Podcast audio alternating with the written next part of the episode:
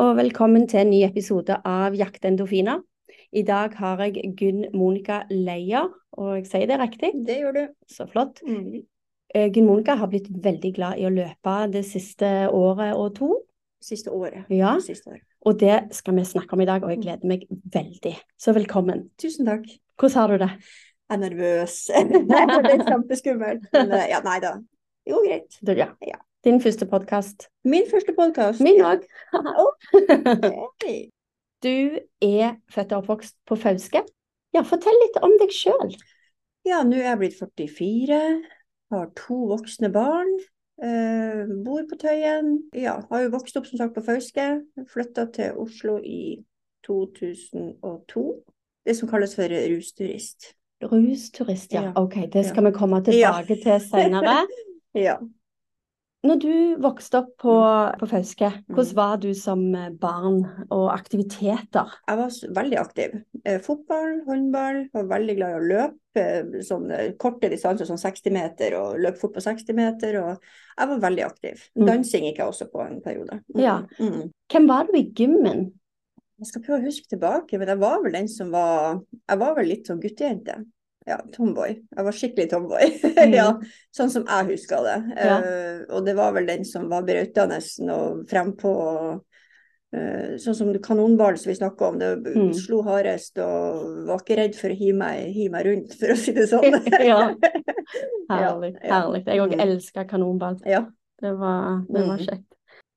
Du vokste jo opp, ja, du ble eldre, Mm. og så flytta du til Oslo. Kan du ikke fortelle litt om før du flytta og når du kom til Oslo? Jeg hadde jo litt sånn uh, litt turbulent, kan man så kalle det. Og ikke oppvekst, eller jo, det var ting som skjedde i, i oppveksten som ikke var så greit. Mm. Uh, så jeg begynte jo å drikke veldig tidlig. Det var vel 12-13 jeg begynte å røyke, og så alkohol, stjal hjemmebrent, ikke sant. Var med de store gutta, råna, drakk mye.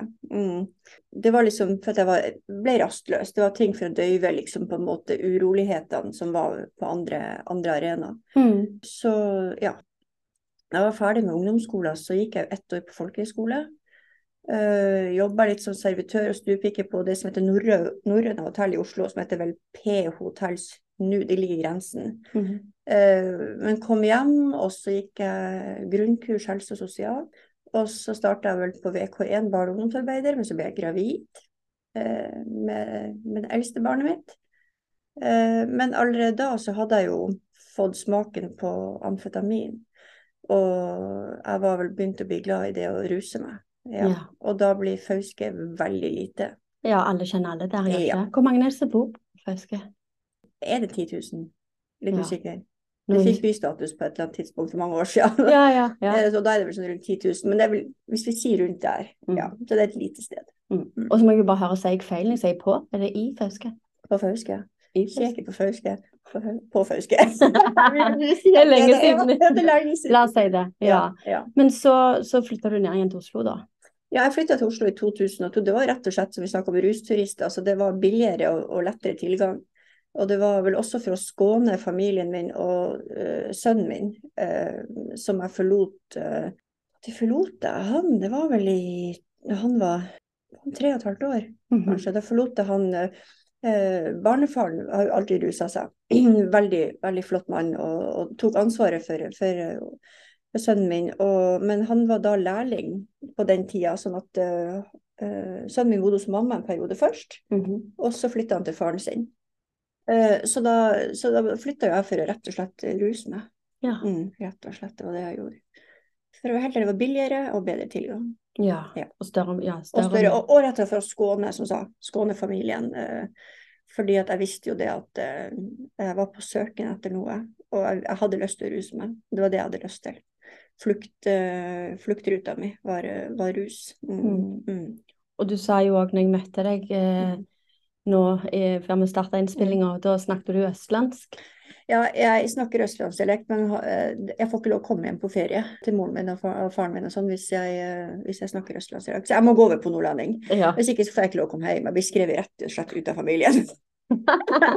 det, ja, og jeg Ja. er jo veldig glad i dialekter. ja. Så da setter jeg veldig pris på at du Ja. snakker fauskedialekten Ja. din. Eller fausk. Fire fausk.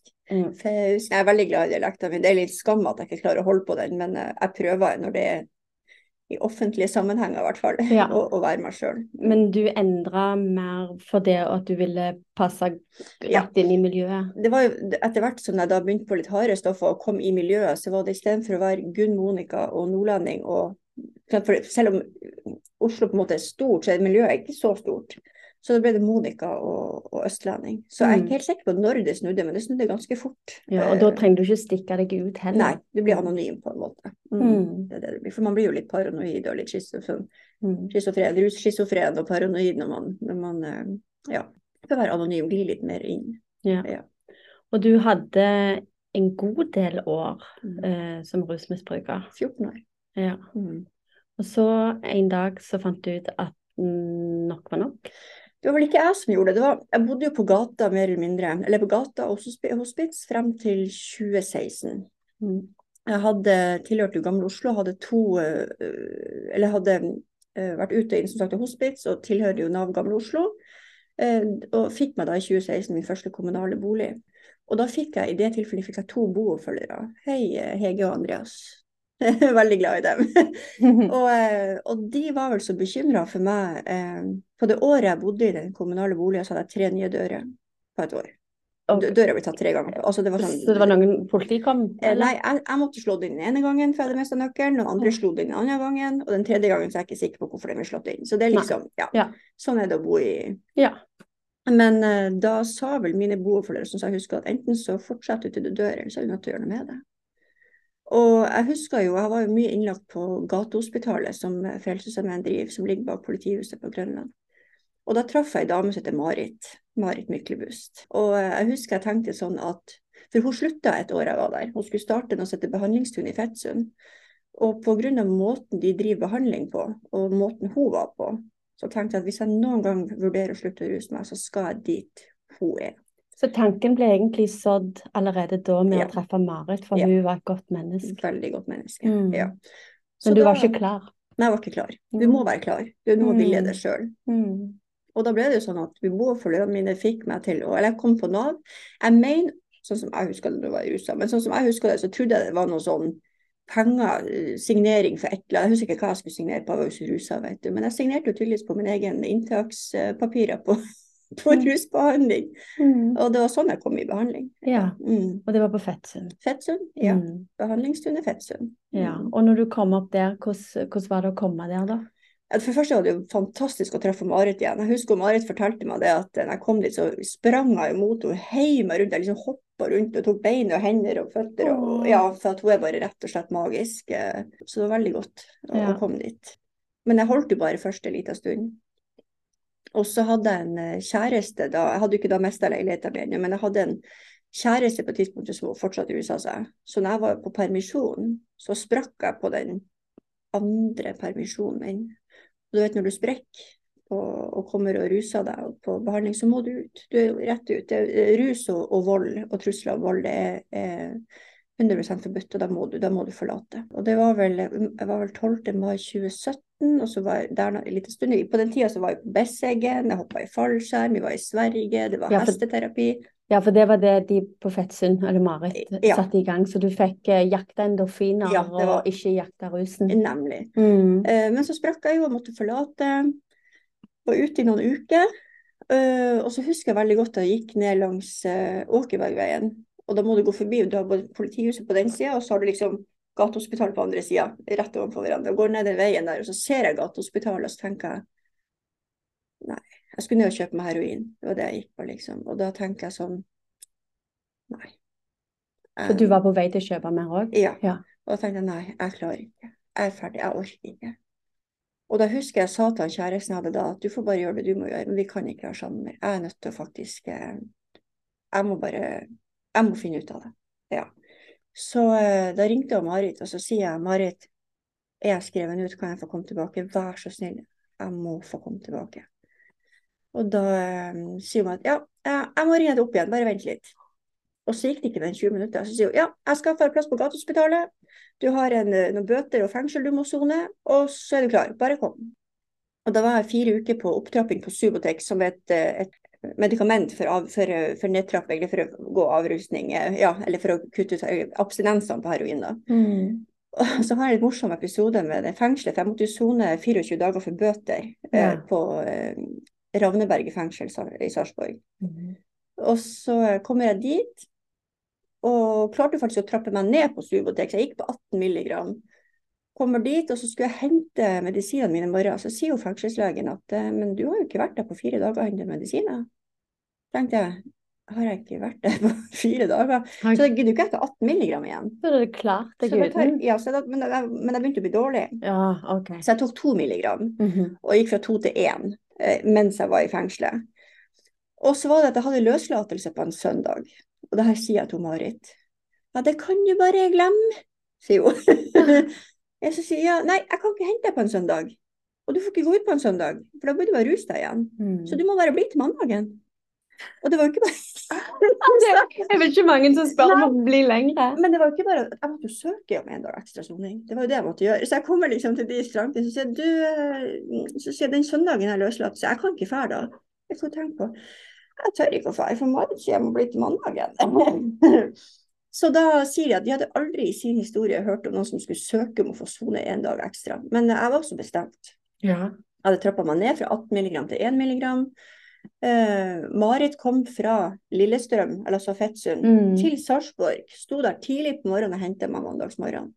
Det er vel en og en halv times kjøring? Det er langt. Jeg vet Ja. ikke hvor langt det er, men det er ganske langt. Ja. Ja. Mm. Og der sto hun. Og da hadde jeg en plastpose eller en søppelsekk i hånda. Og, Mm. og, og eh, fra da, fra 24. november 2017 til jeg kom i behandling, da er jeg tilbake igjen, så har jeg klart meg. Men det som er enda bedre, er jo det at jeg gikk opp på 1 milligram Subotex. Og jeg hadde bestemt meg. Jeg skal sjekke om jeg kan gå helt av medisiner. Eh, og kommer det så, og han eh, psykiateren vår, eller han lege-psykiater, er nedtrappingsplan. Og det var sånn nedtrapping på 0,0 sånn, 0, men jeg var sånn, jeg tenkte nei, jeg bare, nå er jeg lei av nedtrapping, jeg blir bare dårlig. Jeg tenker jeg bare kutter ut, og så ser vi hvordan det går. Og det var, unnskyld uttrykket, fem uker et helvete. Ja. Jeg var så dårlig, men jeg klarte 13.12.2017 å ta min siste pille med Subotex. Så jeg går ikke på noen ting. Så det, det er liksom, men det var fem uker hvor jeg rett og slett ikke trodde jeg skulle komme ut av det. Det var, det var eh, ikke sove, jeg hadde sånn nys, nys, altså når du nys, sånn trippelnys. Jeg Mm. hadde 10, 10 trippel, 20 trippelnys. Ja. Jeg frøys, jeg var feber, jeg var dårlig, jeg fikk ikke sove. Det var Det er vel sånn influensa ganger ja, 100? ja. Influensa, magesjau, altså det er alt. Det var, jeg tror aldri jeg skulle bli ferdig. Jeg husker jeg ringte mamma det, for det var jo som i november, jeg kom 24. november, og 13. desember da da slutta, så, så husker jeg ringte mamma. Og så sier jeg sånn at mamma, jeg kan ikke komme hjem i jula. Eh, For jeg er så dårlig, hjemme av Subotexen. Men jeg vil gjerne av Subotexen. Jeg kan ikke komme hjem og feire jul. Ingen problem, sier hun. Ingen problem. Eh, gjør det du må gjøre for å klare det, og så ses vi neste gang. Det kommer ny jul. Det kommer ny jul, Ja. så, det, så det, siden da så har det gått fint. Åh, det er jo helt fantastisk. Mm. Mm. Jeg eh, merker jo nå, siden jeg er helt ny på podkast, at dette kommer til å ta på, for nå har jeg grenet to ganger og ledd, eller tårene kommer, og så ler jeg innimellom. Men ja, Ja, det er Ja. kraftig historie. Ja. Det ja, er, det er ganske fantastisk. Det har vært brutalt. Men på Fettsund, da, Mm. eh, hva vil det hete der som Marit driver? Behandlingstunet Fettsund. Vi Ja. kaller det for Tunet. Tune, ja. Ja. ja. Så var det da at du hoppa i fallskjerm, og det var Besseggen, og det var hesteriding, og Altså, det er jo en fantastisk måte for å få folk til å tenke på noe annet. Ja, og så er det at du, du blir gitt oppgaver. Eh, For du har jo eksempel sånn som første måned du er der, så har du karantene. Du får ikke gå på permisjon, du får ingenting. Men selv om det er lørdag og søndag, eksempel, du må opp til Altså, du, du tar ikke morgenmøte som det er mandag til fredag, men det er hester som skal stelle. Mm. Vi hadde jo hva det er, 80 kuer og en okse, og det er jo kalver. Ja. og- Altså det, er, det er høns, og det er, det er em, selve institusjonen skal jo vaskes, så du får oppgaver. Det er gårdsbruk, rett og slett, som å flytte inn på en bondegård Ja. og, bo. Det er litt sånn Ja. oppveksten til mor mi. Fantastisk. Det var helt, det var helt fantastisk. Og du får oppgaver du må gjøre, du blir satt krav til. Eh, Du blir ikke dulla, ikke darve. Du Nei. får selvfølgelig omsorg og kjærlighet, og det Men du får rutiner. er rutiner. Ja. Mm. ja. Du får noe å stille opp til, og, Ja. og ikke minst bli glad i dyr. Og, ja, nemlig. Og du blir satt krav til, rett og Mm. slett. Mm. Å, fantastisk. Mm. Men det er vel ikke alle plasser som er sånn? Jeg har ikke noe å sammenligne med. Nei, eh, for det var liksom, nei, for det var første gang jeg gikk ordentlig i behandling. Mm. Eh, eller det vil si, jeg var vel veldig innom, kort innom noe som heter man, det Manifestsenteret. Eh, men det syns ikke jeg var noe. Men det her var liksom et sted Du har jo veldig mange andre gode eh, Mhm. behandlingsinstitusjoner, men, men for meg så funka det veldig godt å være der. Og så ikke minst at du hadde mareritt. Veldig. Marit er veldig fin. Ja. Mhm. Ja, nå bor du jo i Oslo eh, sentrum. Ja, Ja. igjen. Mm. Ja. Og eh, så har du jo begynt å trene. Ja. Hvordan starta det? I skal vi se, var det februar, var det mars 2020 at den pandemien slo til for fullt, var det ikke det? Ja, jo, da bodde jeg i ettervern. For at jeg var jo, når jeg var ferdig i behandling i desember 2018, så, så var jeg ikke klar for å starte det normale livet, holdt jeg på å si. Så jeg, eh, etter mye om og men, så takka jeg ja til ettervern. Mhm. Så jeg bodde da i ett og et halvt år på noe som heter Bosatt. Bosatt ligger da eh, på Grønland, Urtegata. Og i første etasjen der jeg bodde, har du noe som heter Fyrlyset, som Frelsesarmeen driver. Så i, når jeg så at Fyrlyset måtte stenge pga. pandemien, men skulle starte da en sånn food truck som vi skulle ha på det som kalles Elgsletta ved Akerselva, Ja, ja. så tenkte jeg ok, jeg ringer og spør om de trenger hjelp. For jeg kjente et par som jobba der. eh, Og da fikk jeg lov til å komme, da, da fikk jeg prøve på å komme og hjelpe dem. Når jeg da hadde jobba der en stund og liksom ble fast frivillig, for jeg har jobba som frivillig der tre dager i uka nå, så fikk jeg muligheten til å bli med da hadde jeg vel jobba et år, halvannet, jeg er litt usikker. Så fikk jeg bli med, eller muligheten til å bli med og trene, for vi hadde gratis treningstilbud. ja, og da var jo koronaen letta? Ja. det før? Det var, før, det var Ja, etter før. korona. Ja, etter koronaen. Mm. eh, Ja. Så da, da fikk jeg bli med og trene. Mhm. tenkte ok, jeg prøver nå. Så ja, ja. Eh, og da, varis, som ligger nede på Barcode, der er det jo intervall på mølle og styrke.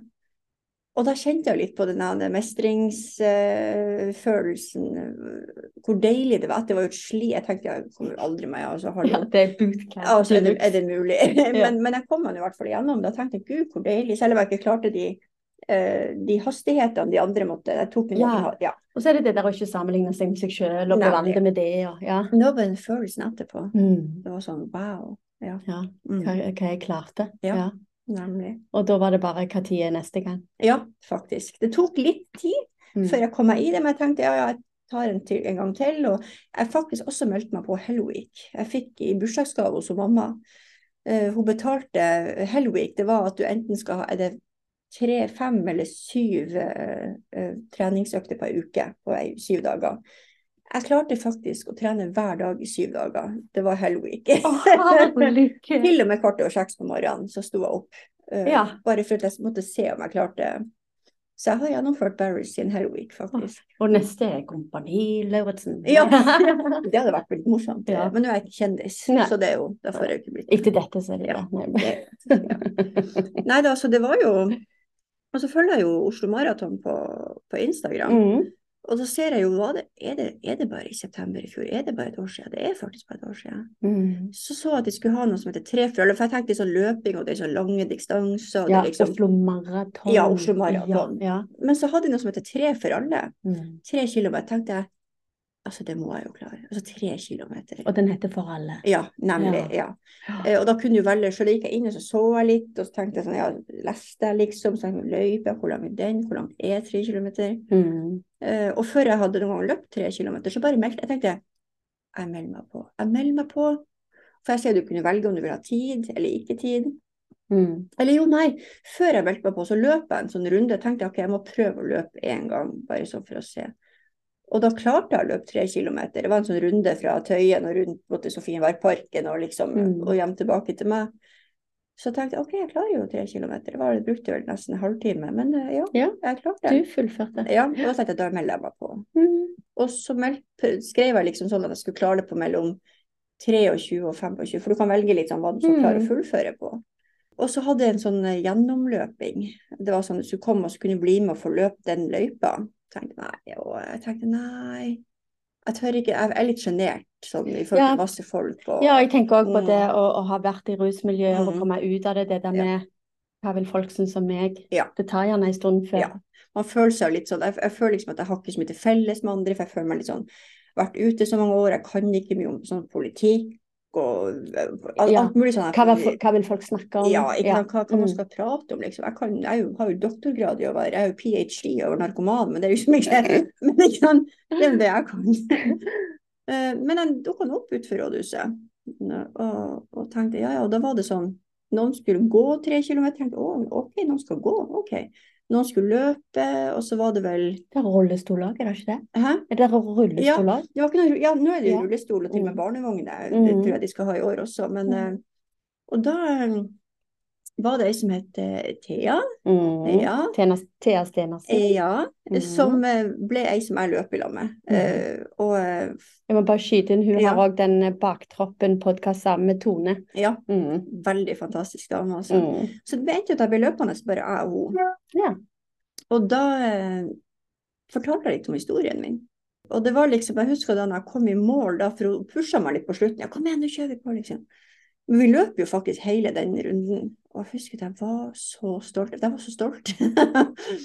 og det var helt annet som mestringsfølelse ut av en helt annen verden, husker jeg. Mm. Det er den jeg kaller for høy på livet. Ja, veldig høy på livet. Altså. Det, var, Mm. det var helt sprøtt, faktisk. Mm. Og sånn som du sier at du åpna deg faktisk opp til ei villfremmede dame Ja. når du løpte. Ja. Meg og venninnen min sier at vi løser verdensproblemer når vi springer. Absolutt. Altså det er så løye hvordan Ja. det er så lett å prate. Ja, det er det. Men det er jo Thea er jo en fantastisk lett dame å prate med. Eh, helt fantastisk lett dame. Og hun liksom forklarte at «Mm, du løper i ditt tempo, og liksom vi tar det pent, og går det bra, og liksom Og må vi gå, så går vi. Ja. Det sa hun også at vi kan gå For det var noen som skulle gogge, altså Mm. løpe litt og gå litt. Men jeg tenkte jeg, jeg måtte prøve å løpe hele Mm. Ja. For du visste jo du hadde det i deg. Mm. Hvis du trente så mye i barndommen, så visste du at du Ja. kan jo. Ja da, jeg vet jo det. Du må bare det. finne hun der fra Fausk. Ja, nemlig, nemlig.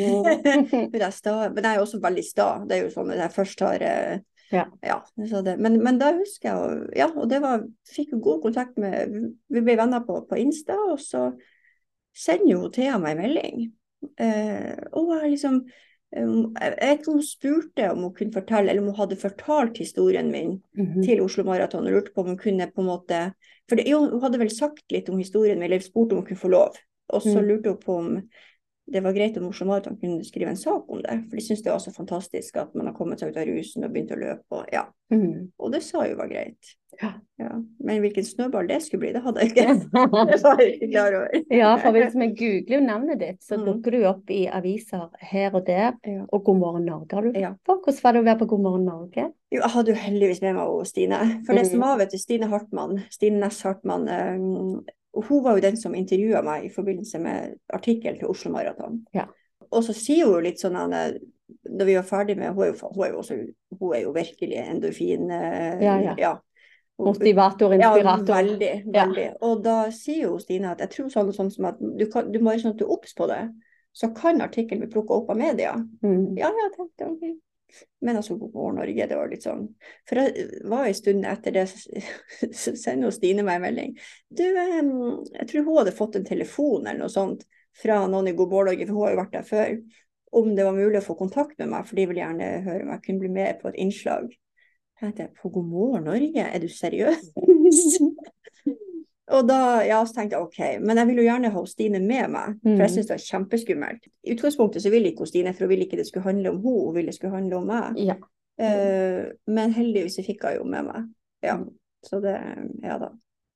ja, for det er liksom det der å sitte helt alene Ja, nei, det hadde jeg ikke klart. Det hadde jeg ikke klart. Hei, mamma. Ja, ja, hello. Nei da, så det var, ja, det var veldig spesielt. Ja. Mm.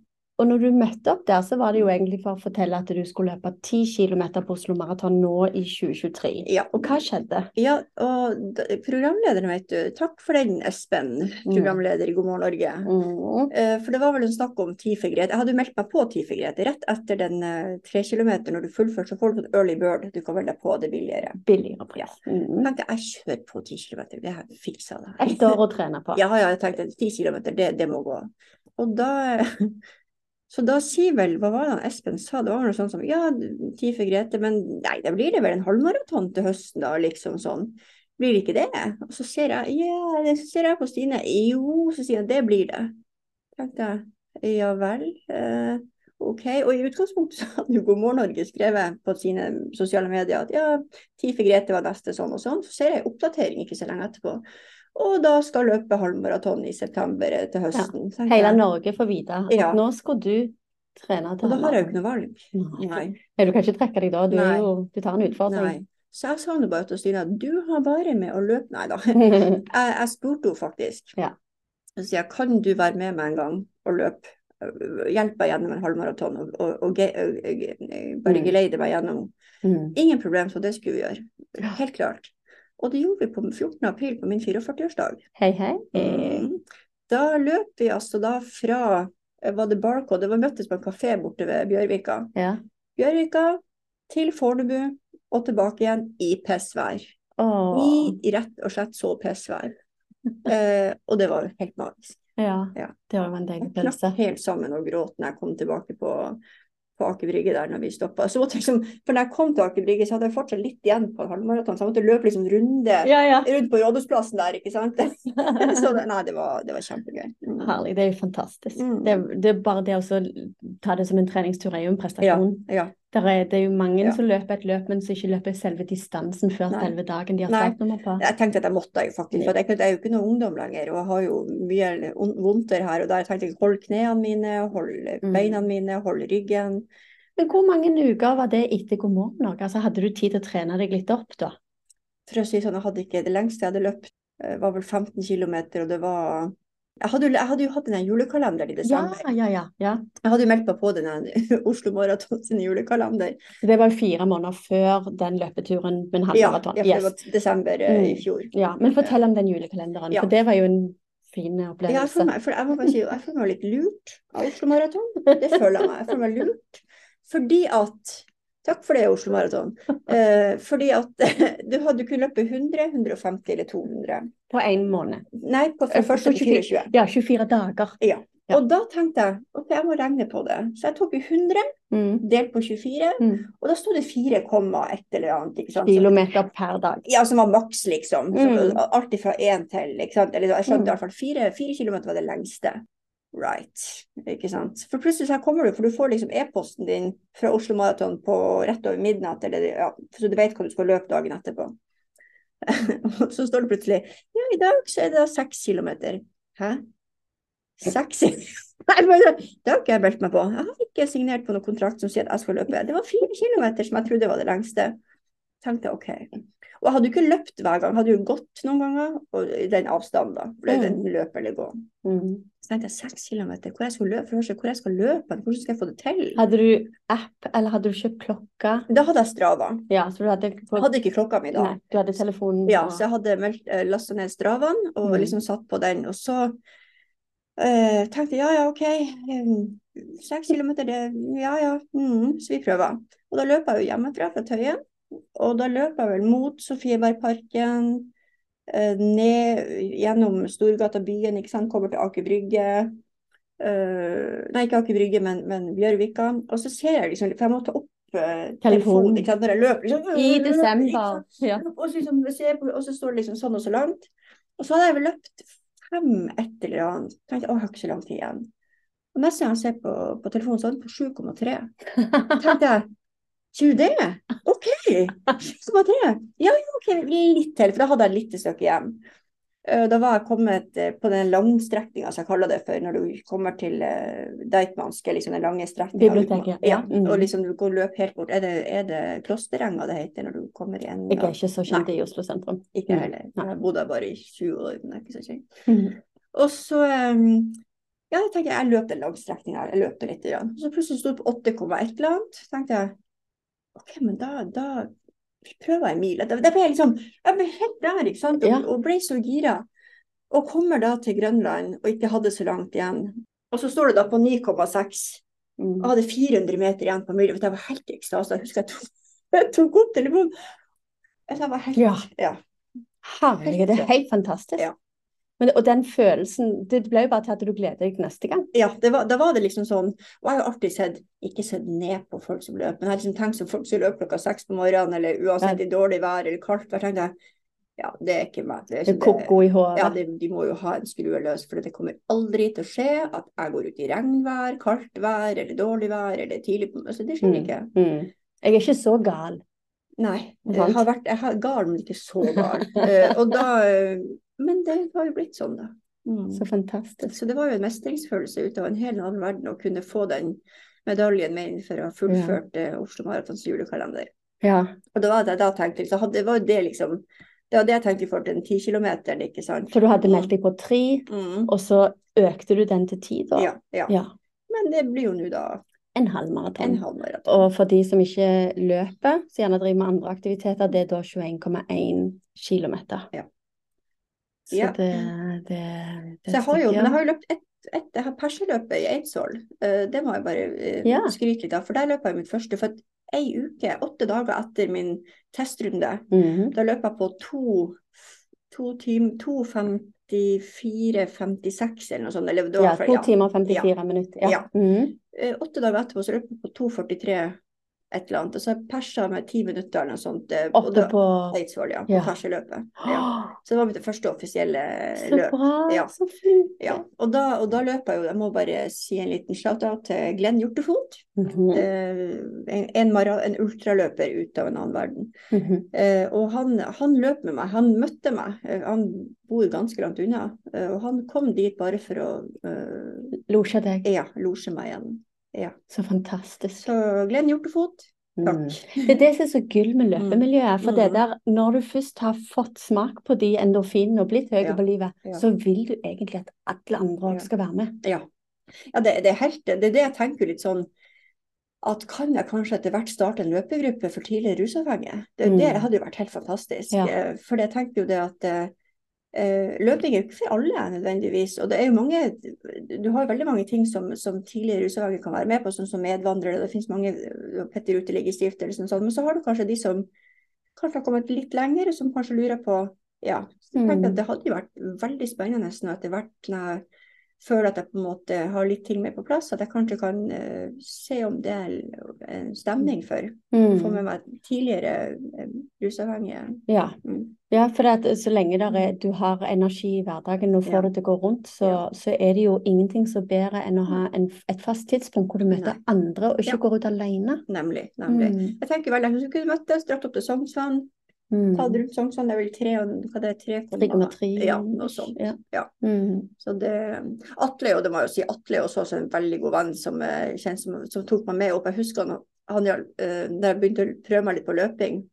Uh, han har jo for så vidt løpt eh, Nordmarka halvmaraton. Ja. veldig, ja. Eh, han eh, tok meg med opp til Sognsvann.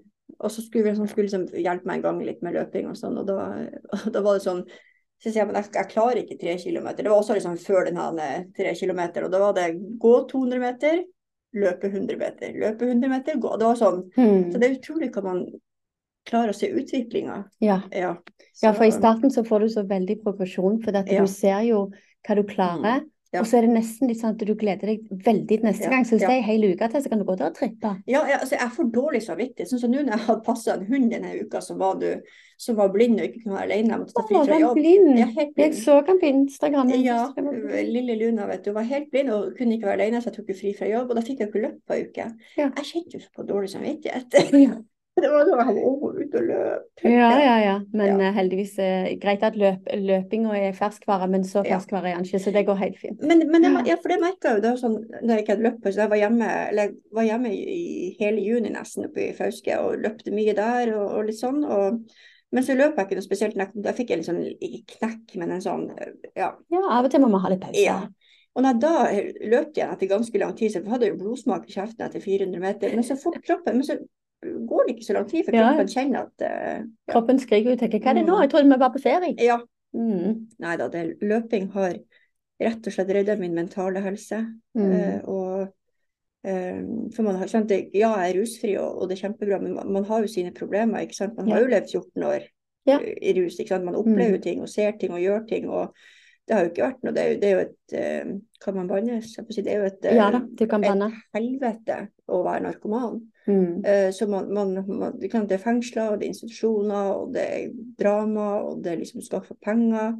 Ja, og så er det jo oppveksten i Ikke bånn. sant, nemlig oppvekst og alt det der. Du har masse, ikke sant, masse traumer. Mm. Og det da å kunne bare sette på seg headsetet, sette på en god lydbok eller, eller musikk, og bare gå ut og løpe, det er jo Mm. det er livreddende, rett og slett. Det redder liv. Eh, Redder mitt liv, i hvert Og jeg tror mye. mm. det, kan- det kan redde ekteskap, det Mm. kan redde forhold til barn. Ja.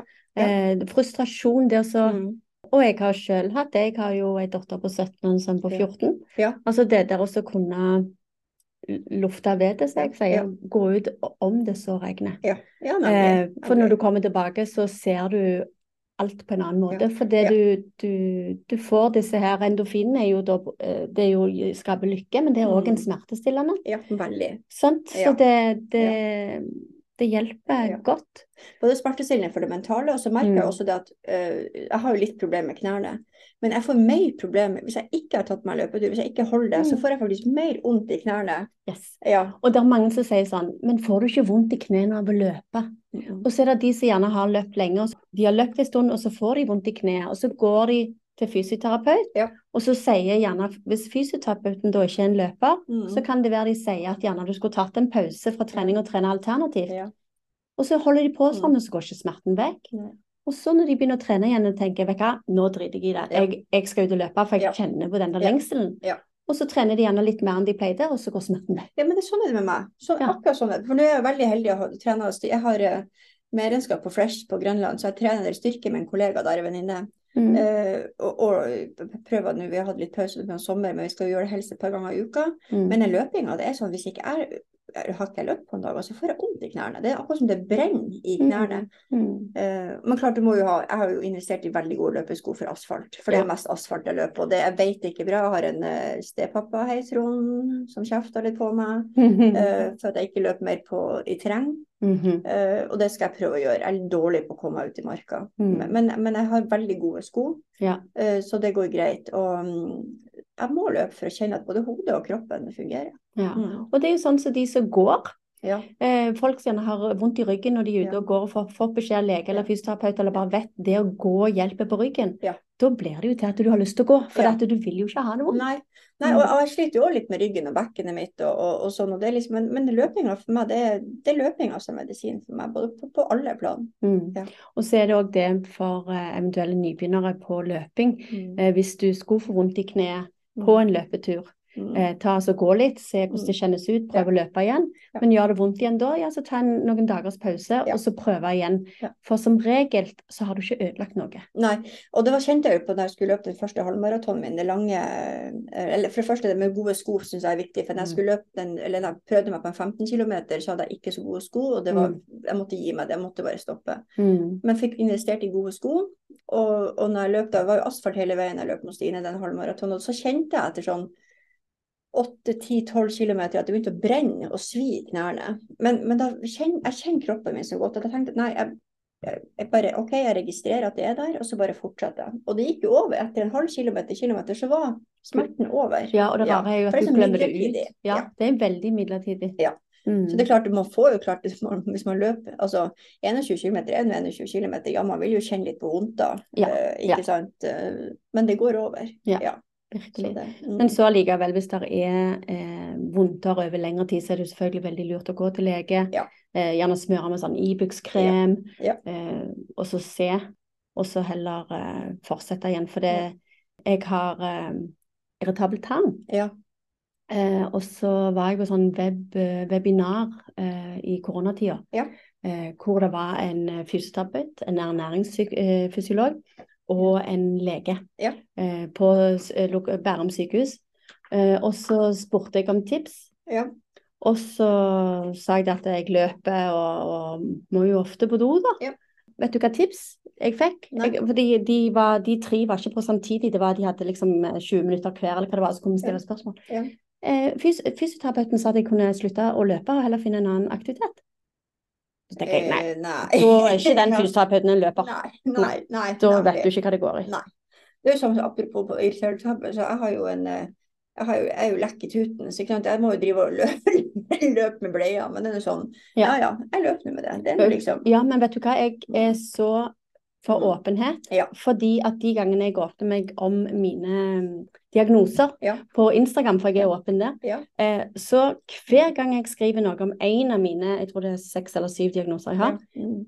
så får jeg alltid meldinger. Herligheten. Sånn har jeg òg det. Eller eh, jeg har lurt på, jeg har òg vondt sånn, eller ungen min har det sånn og sånn. Jeg har jo det som heter kompleks PTSD og emosjonelt ustabil. Det er de diagnosene jeg har fått. Eh, Så det Jeg har jo mine diagnoser òg. Ja. Og, og så er det sånn, jeg, liksom, jeg syns det er greit her oppe. Men ja, så, OK, om jeg så lekk i tuten. Altså, da Ja. bruker jeg har eh, eh, tjener på, på forbruksmateriell, ikke sant? Ja, ja, ja. resept. Altså, sånn, det er nå Og sånn du- er nå livet. Og du er ikke den eneste i verden som Nei, har det sånn. Nei.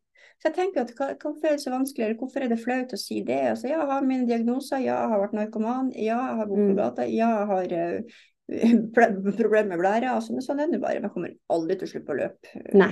Nei, nei, nei. Altså, det- Jeg løper så lenge beina Ja. bein, eh, be, Ja. beina bærer meg. Ja. Nå begynte jeg nesten å endre dialekt her. Ja, så der, ja. Mm. ja jeg var liksom sånn Vær nordlending. ja. Men eh, Stine Næss Hertmann, hun, hun skulle jo hjelpe deg, eller hjelpe deg unna det tid for Grete, og nå er det halvmaraton istedenfor om noen uker. Og hun ga deg et program da som du har fulgt x antall ganger i uka? Eh, Nei, jeg har, eller? ikke et program, men bare ga meg tips. Ja, Ja, ok. tips, ja. I forhold til sånn som når vi løp den eh, sånn som oppbakka, eksempel, så ta små musesteg. Sånn, Mhm. Frem hofta, frem med brøstet. Mhm. eh, og ikke gå liksom sånn Ja, Ikke, ja. ikke Ikke kne, høye kneløft. Ja. bare, bare korte musesteg i bakka. Ga meg veldig gode tips. Mm. Veldig, veldig gode tips. Og helt fantastisk. Og vi har jo veldig god kontakt. ja. Ja, så det, kom gode råd. og jeg skulle jo egentlig, jeg hadde jo lyst til å være med på The Navy Race som var nå, men klart jeg hadde jo hund, ikke Ja. sant, og det var liksom, ja. Så det, hun er sånn som virkelig, hun spør om jeg skal bli med på forskjellige typer Mm. løp, og det er jo klart, jeg har jo de her hundene mine hele tida. ja, for det er en sånn hobby som du har fått deg. Crazy dog lady, det er ikke noe lurt på. Ja, for Ja. du, da er du liksom alternativet til kennel. Du passer Ja, hunder. Jeg passer hunder. Mm. Jeg hadde jo min egen lille Bernie, en eh, chihuahua som jeg fikk, eh, fikk fra noen da han var tolv år. Og han, eh, jeg, måtte ta, jeg måtte avlive han nå 22. mai, men han ble 15 og et halvt år, ikke sant. Og Ja. han var jo, ikke sant, ja, for lille Njom, njom, njom, njom. Og jeg, jo, jeg har aldri vært noe hundemenneske, egentlig. Uh, ikke noe sånn, ikke at jeg ikke har likt det, men, uh, men så var det jo det på, på tunet igjen, da behandlingstunet i Fetsund. Så eh, de ansatte fikk råd til å ta med seg hundene på jobb. Ja. Ja. Og det er klart, der, der, der ble det jo, ikke sant. Så det, og så ble jeg jo eh, søkte om å bli fosterhjem Mm. eh, for en sånn som heter Forever Home adopsjon og omplassering. Mm. For hunder. For hunder, ja. Mm. Eh, og der har jeg jo hatt alt fra borsoi, altså russisk ulvehund, kjempesvær, oh. ikke sant, til, til de minste. -hmm. Men jeg fikk Bernie da, så valgte jeg ikke å ha eh, fosterhjemshunder. For Ja. at han var litt sånn Han var ikke bare litt sær, han var sær. Ja. Da kan det være deg og han. Ja, det var, vi var like sære begge to, så det var meg og han liksom helt til slutt. Og nå, men etter han døde, så har jeg tatt meg som oppdrag eh, Ja. gjennom en sånn eh, hundepassie på Oslo. Nei, Mm. Oslo, eller nei, på Oslo. Hunde, hunde, ja, Oslo hundepass på Facebook. Så, eh, så jeg hadde ei uke, eh, 14 dager hadde jeg én hund, og så hadde jeg en, en hund nå ei uke. Mm. Og i kveld Mhm. så skal jeg hente The Brother from Another Mother, en chihuahua som er eh, lillebroren til Bernie. han heter Tøffem. Han ser ut som en liten gangster. Han er en sånn svart og hvit chihuahua. han ser- har sånn svart lapp over øyet. Han, oh, ja. Han ser ut som en liten Han heter Tøffem. Ja, ja, ja. Ja. Skikkelig liten røver. Så han skal vi ha i uke nå. Mhm. Men eh, tilbake til det med at maraton, Oslo Maraton er jo ikke så lenge til. Eh, skal du løpe Tre for alle i år òg, utenom? Eller er det den? Har jeg på. Ja, for den skal jeg prøve Skal siste gang. Skal du det? Mhm. Ja, jeg har, da kunne jeg kanskje prøve å slå en egen rekord. Det har jeg faktisk ikke tenkt på, for jeg har ikke helt skjønt hvilken dato. Det er fredagen før. Helga. Fredagen før. Mm. Da er jeg faktisk eh, Da tror jeg faktisk jeg er kattepasser. Ja. Ja.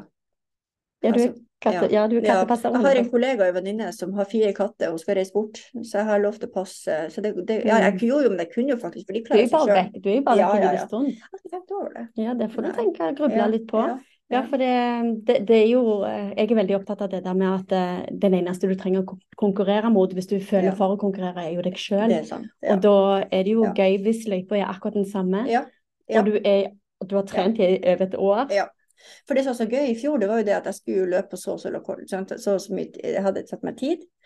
Men rett, like etter løpet starta, så øh, var det kjempesøt jente, Marte het hun, Downs syndrom, som, øh, som jeg løp forbi. Og så hører jeg sånn uff og oi og litt sånn tenkte jeg må bare snu meg. Og da spør jeg henne trenger hjelp, sier jeg. Har du lyst på litt hjelp? Ja, kan du hjelpe meg? Så vi ble jo løpende hånd i hånd, vi. Åh. Eh, hele løpet. Så jeg brukte vel 40 herlig. minutter eller noe sånt. Ja. Men, men for at hun da liksom, så var hun sånn Nei, nå må du slappe av, du er så svettig. jeg slapp og begynte å løpe. Nei, ikke løp fra meg, vent, vent. ja, Så vi ble jo løpende sammen. Ja. så. Så det var jo, så sånn ble det løpet. Men det var jo, det var jo, altså det er jo en stemning uten eh, like. Mm. Det er jo folk kommer i skjørt og i kostymer og i, i jentelag og i Det var jo Ja. Ja, det er virkelig noe, Ja. noe som alle kan være med på. Det jeg gleder meg veldig, for jeg har ikke vært med på det. Nei, Eh, og i år så skal jeg ikke løpe, være med som deltaker på selve Oslo Maraton, men Nei. jeg skal være eh, frivillig på fredagen inne på Expoen. Ja. Så det gleder kanskje vi ses når som skal hente startnummer. Ja, det gjør vi nok. Foreldrene mine kommer jo også og skal se. De kommer jo faktisk den eh, 14. september og skal være hos meg for å følge med. Ja, Så kjekt. ja så det syns jeg, jeg er stas. Og så skal jeg jo løpe med en kollega, en venninne. Mhm. Eh, og eh, hun, jo, hun hjalp jo jeg gjennom hennes første maraton, halvmaraton. Ja. Ja. Så det har jo blitt noen. Det var litt gøy når jeg, når jeg på en måte kunne være motivatoren, eller Mm. Eh, Det ja. gir veldig mye. Ja. Ja. Så det blir veldig gøy. Ja, nei, kanskje jeg må tenke på det. Mm. Ja. ja. Da vil jeg bare takke for at du ville være med i min podkast. Takk for at du ville ha meg. Det var veldig kjekt å treffe deg Ja. ansikt til ansikt. Ja, vi følger jo hverandre på Insta og de Ja. samme folka, så det er gøy å ha et, eh, ha et ansikt. Ja. ja. Så masse lykke til. Tusen takk. Og så ses vi jo på Instagram i mellomtida, og så Ja. ses vi på, mest sannsynlig på fredagen på når du henter startnummeret. Ja. Og så vil jeg takke for de som har hørt på. Jeg eh, håper dere har kosa dere like mye som meg. Jeg har både grein og ledd. Um, har hjertet på utsida, sånn er det. Eh, jeg håper òg at dere vil trykke følger eller abonner i den podkasten du hører, eh, på den appen du hører podkast på. Og ellers så må du bare vente til neste uke før det kommer en ny episode. Så vi høres.